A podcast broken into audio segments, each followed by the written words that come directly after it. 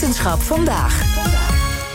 Een studententeam uit Eindhoven heeft met hun idee voor slimme cellen meerdere prijzen binnengehaald. Dat gebeurde tijdens de finale van een belangrijke synthetische biologiewedstrijd in Parijs. Wetenschapsredacteur Carlijn Meiners is hier. Hey Carlijn. Hoi.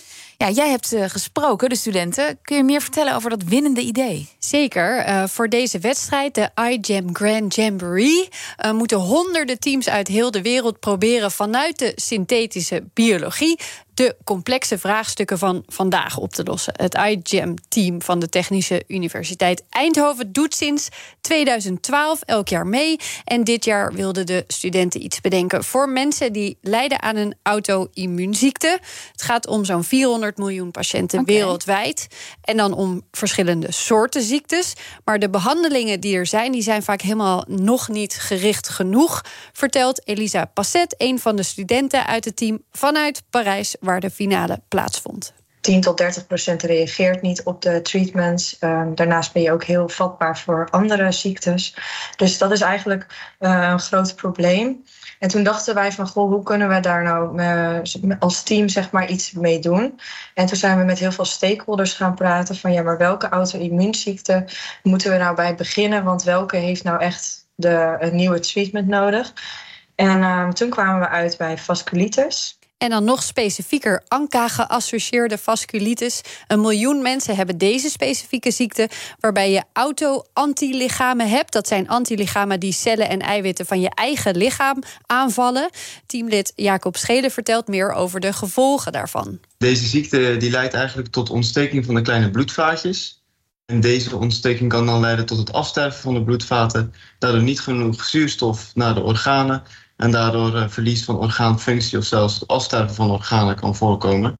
Ja, dat klinkt als heel slecht nieuws. Ja, ernstige ziekte. Zeker. En in, in de meest ernstige gevallen ook dodelijk.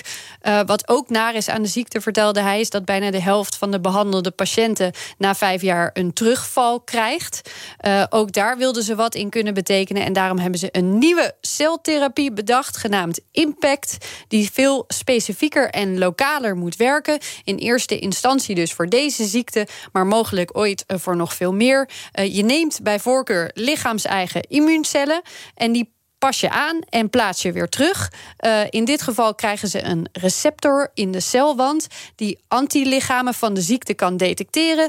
En heeft de cel die gevonden, dan laat hij ook nog een ontstekingsremmend eiwit los. De cel meet als het ware de, ziekteactiviteit. En afhankelijk van hoe erg dat de ziekte aanwezig is, gaat hij meer of minder van die ontstekingsremmer uh, op de juiste plek, op de juiste tijd toedienen. En dat moet ook zorgen voor een behandeling die alleen actief wordt als het nodig is, waarmee je dus ook weer bij effecten voorkomt. Nou, klinkt echt allemaal heel slim. Echt hoogtechnologisch.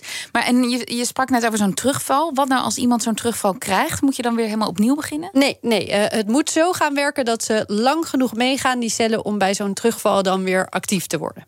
En nou is dit, als ik het goed begrijp, nog vooral een plan op papier. Ja, ja het is inderdaad zo dat ze dit in een half jaar hebben moeten bedenken. Uh, maar ze hebben ook de haalbaarheid uitgebreid onderzocht. door met heel veel experts te spreken. Eigenlijk met iedereen die bij zo'n traject komt kijken. Ook de patiënten zelf. Die stakeholders noemden ze het al. Ja, ja en maar ook artsen. Uh, iedereen eigenlijk die daarbij betrokken is.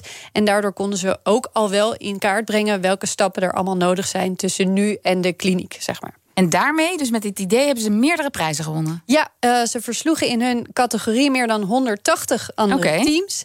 En ze wonnen onder andere de hoofdprijs. En dat was een behoorlijke verrassing. Ja, ik denk dat niemand van ons had kunnen dromen dat we in de finale stonden. Dat we ineens voor duizenden mensen mochten presenteren. Dat was al een overwinning eh, toen we dat hoorden, toen we thuis in ons appartement zaten. En dan tijdens de finale, als je daar dan met het hele team ja. zit. We zaten hand in hand afwachtend op, uh, op uh, de finale uitslag. En uh, zodra je het dan hoort, dan is het één groot feest. En, en iedereen ging los. En ik heb zelfs mensen zien huilen van ons. Dus, Ja, het is echt, je hebt tien maanden lang heb je bijna alles aan de kant gezet om ja. er hier echt vol voor te gaan met zo'n team. Dus ook, ja, ik zat naar mijn horloge te kijken en mijn hartslag die ging op een gegeven moment echt niet normaal. Dat ik 180, dacht, ja, 180 heb ik wel aangeraakt. Dus het was echt drie uur lang in spanning. Want er waren natuurlijk heel veel prijzen die je kon winnen. Ja. En we hebben er ook wel uh, een aantal mee, uh, mee kunnen nemen. Maar de grote prijs hadden we nooit verwacht nee, van tevoren. Nee, dus dat was nee. echt uh, was geweldig. Ja, iets dat we nooit vergeten. Oh. En gaan ze er eigenlijk mee verder? Nou, sommige van de studenten moeten gewoon weer verder met hun studie hierna. Uh, maar ze hebben zoveel reacties gekregen. Ook al iemand uit een ander team die zei: Als jullie hiermee doorgaan, wil ik me bij jullie aansluiten. Uh, dus ze gaan uh, daar nog even goed over nadenken als ze terug zijn. Want de universiteit is ook enthousiast, wil het onderzoek doorzetten. Dus het stopt in ieder geval niet hier. en het leuke is ook wel: we kennen van de technische universiteiten natuurlijk vooral de teams hè, die met de zonneauto's ja. racen, raketten, vliegtuigjes. Dus is het ook volgens het IGM-team mooi dat er een keer op deze manier aandacht en waardering is voor een hele andere tak van sport. Dankjewel, Carlijn. Wetenschap vandaag is mede mogelijk gemaakt door Brightlands. Knowledge Crossing Borders.